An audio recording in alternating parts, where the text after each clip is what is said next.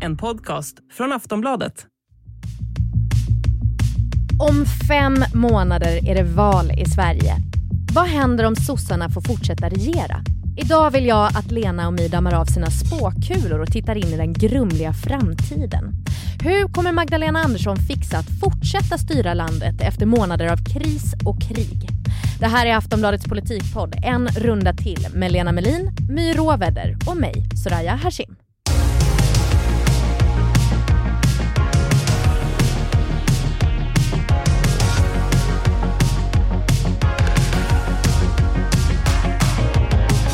Lena och My, välkomna. Tack. Tack. Idag så ska vi se vad som händer om Socialdemokraterna vinner valet i september och behåller makten. Och här vet jag att ni båda vill kasta upp ett pekfinger i luften och säga men vänta Soraya, kriget, NATO, vi vet inte vad som kommer hända med det fram till valet. Och nej, det vet vi ju inte.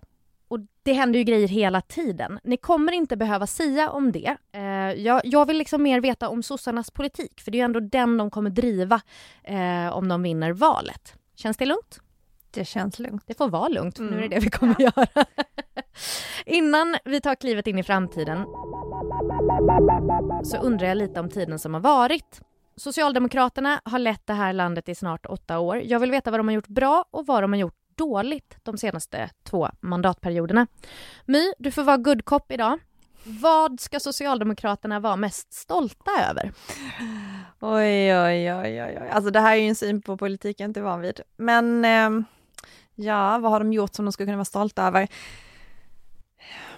Ja, men jag skulle väl säga då kanske att de skulle kunna vara stolta över januariavtalet. Mm. Um, ja, men det kanske inte blev toppen för sossarna rent politiskt, men det krossade alliansen. Eh, det lät Socialdemokraterna sitta kvar vid makten eh, och det blev väl helt okej okay politiskt och de skapade nya förutsättningar för sig själv att kunna regera i den närmsta framtiden också. Mm. Så det ska de ha, en liten klapp på axeln på sig själva så? Ja, men det var ett politiskt hantverk som var intressant. Fast idén var ju Centerns. Men det löste sig bra för sossarna. Eh, Lena, du är bad cop idag. Mm. Eh, vad ska Socialdemokraterna skämmas mest för under de här två mandatperioderna? Jag, jag tror att deras otydlighet gentemot väljarna, där naturligtvis januariavtalet bidrog, men vad de, tyckte, vad de har tyckt varit viktigt eller viktigast, det har varit väldigt otydligt. Och Ehm, har väl blivit mer tydligt med Magdalena Andersson som partiledare eftersom hon definierade tre områden som hon högprioriterade redan i, innan hon, hon valdes. Mm. Och, uh, men det, alltså den här dimman som Socialdemokraterna befann sig i och som na naturligtvis inte blev bättre av januariavtalet och inte heller av coronapandemin, den, den lyckades ju Stefan Löfven absolut inte skingra. Nej, skäms. Okej, det är dags för er att dra på er sjalarna och tingeltangelsmyckena. Putsa av spåkulorna så tänder jag lite rökelse så ska vi titta in i framtiden. Nu har vi kommit fram till vår destination som är dagen efter riksdagsvalet i september. Och i det här scenariot får Socialdemokraterna fortsätta regera landet. Ulf Kristersson ligger hemma och grinar i fosterställning medan Magdalena Andersson är lite trött och bakis sådär efter att ha festat hela natten med crazy SSU-are i partyhatt till Samba de Janeiro. När hon vaknar där på morgonen, vad har den här tidens kris och krig gjort för vår bild av henne som ledare och landsmoder, tycker ni? Alltså jag upplever inte henne som en landsmoder direkt. Hon är inte någon moderlig framtoning. Däremot så tycker jag att hon är en förhållandevis tydlig ledare. Mm. Och det räcker ju långt. Det har ju gett henne en chans att etablera sig som, som eh, partiledare väldigt, väldigt snabbt. I och med att i en svår tid så är det del, både svårt för oppositionen att liksom synas och att man också vänder sig till de ledare som finns. Så på det sättet har det ju varit lite mer krattat för henne än någon som väljs som partiledare och helt ny eh, i en annan tid, mm. där det inte råder kris. Men vilken typ av ledare får ni liksom känslan av att hon, hon ger att hon är? Ganska handlingskraftig. Mm. Nej men det delas ju också av de som man pratar med i regeringen, att det finns väldigt tydliga eh, riktningar för vad som ska genomsyra politiken och de politiska besluten som tas i regeringen, liksom på alla olika håll, olika departement. Eh, och att det finns en, ja men, en, en, stark riktning framåt som inte riktigt fanns. Det fanns ett mer eh, vad ska man säga, ett, kanske ett lite mjukare hand i ledarskapet under Stefan Löfven än vad det är nu och att uh, det uppskattas att det är lite mer styrt. I den här framtiden ska ju Socialdemokraterna fortsätta regera i en enpartiregering med, med stöd av andra då såklart. Men, men vi har bara socialdemokratiska ministrar. Kommer vi få någon ny cool minister? Cool, cool sosse. Var är din lista på coola sossar som vi efterfrågar här? Jag ska inte ha en lista, det är ni som ska ha en lista på coola sossar. Men, men kommer vi få några nya ministrar? Är det, är det någon som ryker? Alltså om, om det är så att Socialdemokraterna får förnyat förtroende i, i, i riksdagsvalet i höst så tror inte jag att de kommer byta ut särskilt många. Nej. Det är sannolikt bara de som har sagt själva att de vill försvinna. Därför att de har ju inte många, alltså många månader på meritlistan eh, då. Utan det är, de, de tillsattes 30 november. Ja, vi, vi, har ju hunnit med några klanterier ändå. Jag tänker, vi har ju pratat om kulturministern och lite sådär. Så det, det kommer inte vara anledning nog att, att uh, få gå, utan det är om den personen själv säger jag vill gå. Ja, det tror jag. Ja. Jag håller med Lena. Sen så tror jag också att det kanske blir en lite mindre regering för att det man har gjort nu är egentligen att man har fyllt upp de som var miljöpartistiska ministrar med sossar. Och att eh, om man tänker att Magdalena Andersson ändå inspireras av Göran Persson som ju har varit en nära medarbetare till henne under många år, så hade han ju ett sätt att bilda regering som var att han hade eh, liksom ett, eh, liksom en ring av ministrar med större portföljer och som var lite närmare honom. Och jag tycker ändå att man ser att hon har lite samma tendens. Att man liksom kastar in många olika områden i en minister. Ja, alltså, nej men med henne... Bla, bla, bla, bla, bla minister. Liksom. Nej men med henne tänker jag mer att det handlar om att det är viktigt för henne att ha en innersta krets som hon är väldigt nära och det finns liksom en stark lojalitet. Eh, och att eh, man på det sättet skulle liksom ha en krets av ministrar som har de liksom större portföljerna som är närmare. I många andra länder har man ju det här med liksom mer juniora ministrar, och det har vi ju inte i Sverige. Alltså att liksom ministerportföljer som är lite mindre, har lite mindre pengar. Man ut, liksom beskriver inte det på samma sätt i svensk politik. Men att det kanske skulle vara ett sådant system, för Göran Persson hade ju lite av det, de här superministrarna. Eh, och att man liksom samlar makten i lite mer tajt kärna och sen så kanske ha ministrar som inte har lika stort inflytande. Som praoministrar? Nej, men... men i praktiken är det ju så, alltså de centrala ministrarna är ju finansministern, socialministern, näringsministern och utrikesministern som ju ändå har ganska fria tyglar för det mesta. Mm. Och de andra? Ja, de väger inte lika tungt helt enkelt. Nej. Trots att vi har då en enpartiregering så kommer hon behöva stöd från de andra partierna i sina frågor och då undrar jag, vilken kommer bli Magdalena Anderssons största utmaning de kommande fyra åren? Alltså det kan, och det säger du efter fyra år med corona och mm. krig i Ukraina. Ja, ja. Rakt vi inte hade någon aning om 2018. Skäms inte ens, blinka inte en enda gång. Alltså det, ja, det okända får man ju svara då. Okej. Okay. Jag tror han också kommer ha lite svårt att hålla ihop sitt regeringsunderlag. Ja. För att det verkar ju vara lite bråkigt. Tycker du? Mellan... Kanske. Vilken är hennes absoluta hjärtefråga? Men det hon lyfter fram själv är ju att liksom orättvisa i någon, i någon bredare bemärkelse mm. och att hennes ilska har drivit henne. Och eh, bland de här tre punkterna som då som hon eh, tidigt talade om skulle vara högprioriterade eh, under hennes tid som partiordförande och statsminister så finns ju eh, välfärden, där finns klimatet och så eh, brottsligheten. Brottslighet. Och det är ju på sätt och vis rättvisefrågor alla de tre jag tror precis som Lena att det här med liksom orättvisorna är en väldigt stark drivkraft. Men jag tänker att ibland är det inte alltid det som är en politikers, det man vill lyfta fram, utan att det också ska finnas en politisk poäng, att man lyfter fram någonting som är hjärtefråga. Och då tänker jag att om man vill ha någonting köttigt mm. så kanske det är den gröna omställningen, att man kan skryta med någonting. Regeringen Löfven när de tillträdde 2014 skröt om feministiska utrikespolitiken, alltså eh, att man har någonting där man internationellt också kan liksom, slå sig för bröstet lite och säga titta vad bra vi är. Och då tror jag att den gröna omställningen är någonting man kan skryta med internationellt. Till exempel. Det går att paketera liksom? Det går att paketera mm. ganska snyggt och eh, man kan liksom få åka på snajdiga möten och skryta om det och hålla anföranden och sådär. Men... Löfven sa ju också att uh, hela världen skulle följa efter när Sverige, Sverige erkände Palestina. Ja. Och det var ju då ingen som gjorde det, men i alla fall. Mm. Det går inte alltid hela vägen fram. Nej. Det blir inte allt som man har tänkt. Det får vi se, men det finns en nyfikenhet på vad Sverige gör, ja. Och att det kan vara dags för att göra någonting annat. Men, men det ska inte jag uttala mig om, utan det, de fattar sina beslut när de känner sig mogna för det. Men, men inte utan att det finns en nyfikenhet. Men jag har ju inte hört om hennes stenar på ett tag, de här stenarna hon skulle vända och vända och vända. Nej, nu har hon fullt upp med pansarskott. Ja, det är ju det. Men, men kommer de här stenarna fortfarande vändas? Alltså nu vet vi ju inte hur det blir med kriget såklart och hur länge det här kommer pågå. Men, men jag menar, någon gång måste hon ju börja vända blicken inåt också mot, mot Sverige. Ja, fast man måste komma ihåg att inrikespolitik, det har hon ju på sätt och vis sysslat med i hela sitt vuxna liv. Antingen så de senaste sju åren då som finansminister och tidigare på olika centrala poster inom regeringskansliets eller Socialdemokraternas ramar. Alltså det är någonting hon kan.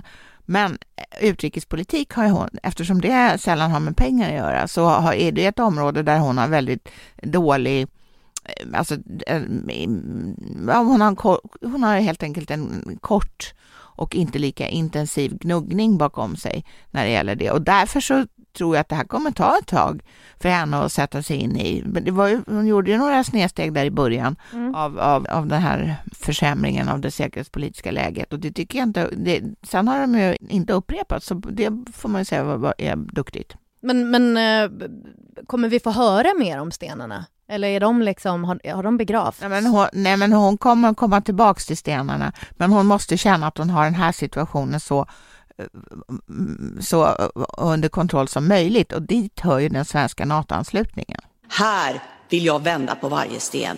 Och när vi kommer till efter valet i höst så kommer man ju också behöva liksom blicka framåt eh, på ett annat sätt än vi gör nu. För nu är det lite så att valet blir liksom nästa anhalt politiskt. Så att framtiden är ju ganska kort politiskt just nu. Mm. Och det gör ju också att man är väl väldigt fast i liksom att det som händer, liksom att kriget händer eh, av flera anledningar och att det blir väldigt så här enformigt politiskt, att det handlar bara om detta. Men även om kriget skulle fortsätta och det säkerhetspolitiska läget skulle fortsätta vara så här spänt, så när vi kommer efter valet, då är det liksom fyra år ändå som behöver planeras och de måste ju ändå planeras för på ett annat sätt om man, om man liksom sitter i regering. Så då tror jag det kommer att vara en helt annan eh, man kommer behöva ta tag i de politiska fråg enskilda frågorna på ett helt annat sätt. Men finns det inte en risk i det då? Alltså jag tänker om, om ens kommunikation just nu hela tiden är om den akuta situationen här och nu, vilket den ju på många sätt måste vara. Alltså att man inte samtidigt kan kommunicera vad man vill framåt om,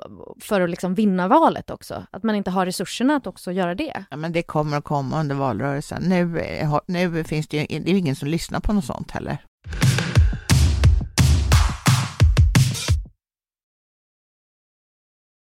Jag tycker jag hör hela tiden att folk säger att Socialdemokraterna vandrar allt mer högerut på skalan och närmar sig Moderaterna. Så, så vad är de största skillnaderna idag mellan liksom Socialdemokraterna och, och Moderaternas sakpolitik?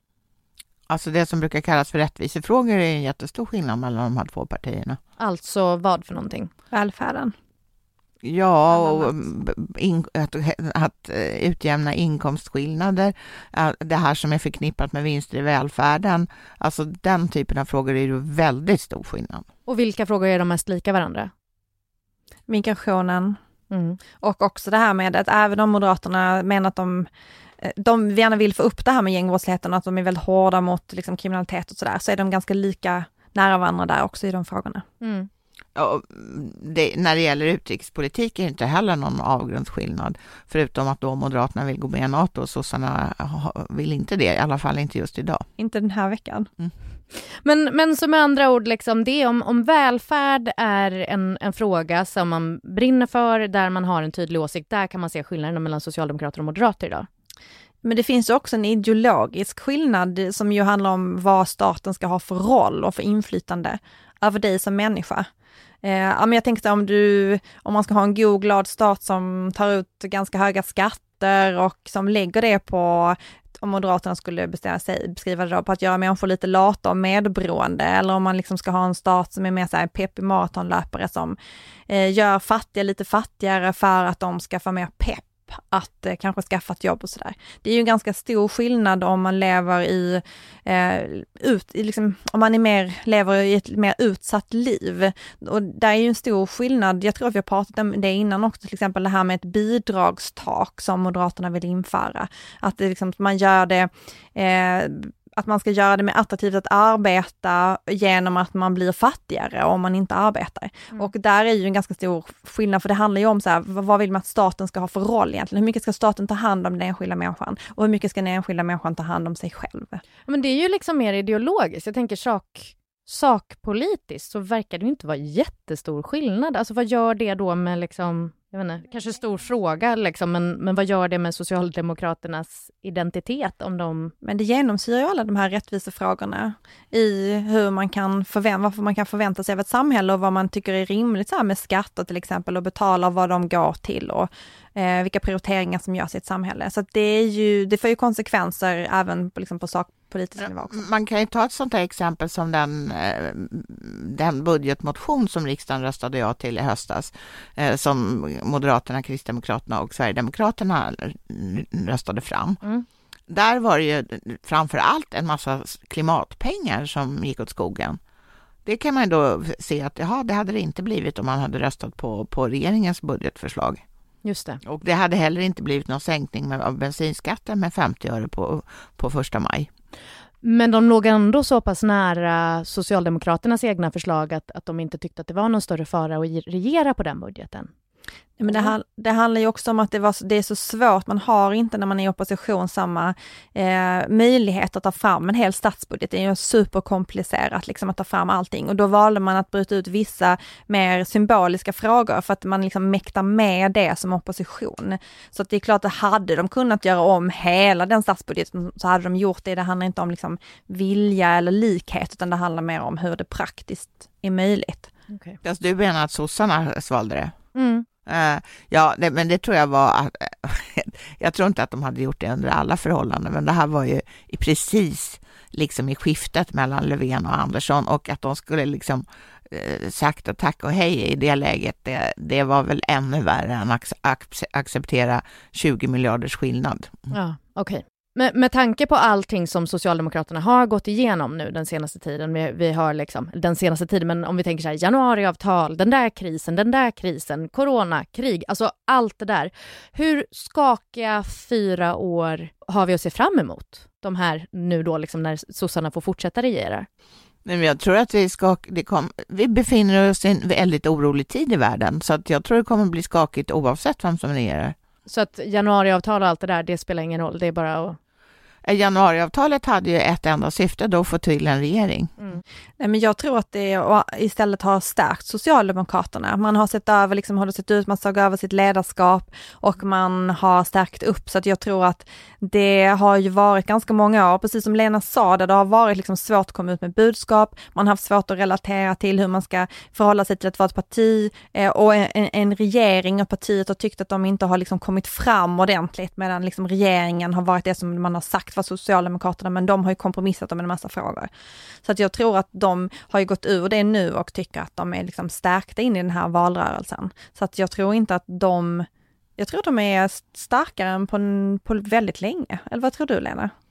Ja, alltså dels tror jag att Magdalena Andersson på något sätt har skänkt lite självförtroende till den här ganska brokiga rörelsen. Och sen äh, tror jag att de tycker det är jätteskönt att slippa Miljöpartiet äh, och hålla på och tjafsa med dem. Och äh, i samma veva så, så ja, så, eller rättare sagt några månader tidigare så följer januariavtalet och det hade ju på sätt och vis börjat spela ut sin roll. Därför det, syftet med det var som sagt att se till att det blev en regering överhuvudtaget och de hade ju betat av i stort sett de här mm, punkterna som befanns i avtalet, de här 73 punkterna. Okej, men säg nu då att Socialdemokraterna vinner valet och eh, ska hålla någon slags tacktal, eh, typ som på Oscarsgalan. Jag vill tacka Gud, jag vill tacka min mamma och så vidare. V vem eller vad ska stå överst på Magdalena Anderssons lista över de som ska tackas? Vad, är det, vad eller vem är den främsta orsaken till att de tog hem valet? Alltså för det första är det ju väljarna. och varför röstade de? Ja, där kan det ju vara så att eh, på valdagen är Socialdemokraternas största tillgång att de eh, står för någonting som kan betraktas som det tryggaste alternativet med anledning av att de redan sitter i regeringen. Man vet ungefär vad de håller på med. Så kanske tacka otryggheten? Ja, man kan göra det så. Man ganska ge ett litet tack till Ulf Kristersson också, som eh, inte riktigt har lyckats eh, eh rassla upp någon, e-, något engagemang för oppositionen den här mandatperioden. Vad kul ändå om Magdalena Andersson ställer sig där på scenen och bara tack Ulf. tack ska du ha. Hörni, tack så jättemycket för idag. Vi är tillbaka nästa vecka igen. Om du som lyssnar vill komma i kontakt med oss så finns vi på podcast aftonbladet.se. Vi som gör det här programmet är producent Olivia Svensson, experter Lena Melin och My Råväder och jag heter Soraya Hashim. Vi hörs nästa vecka. Adjö! Glad påsk!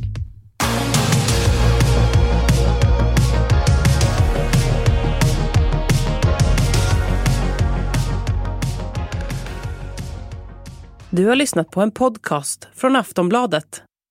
Ansvarig utgivare är Lena K Samuelsson.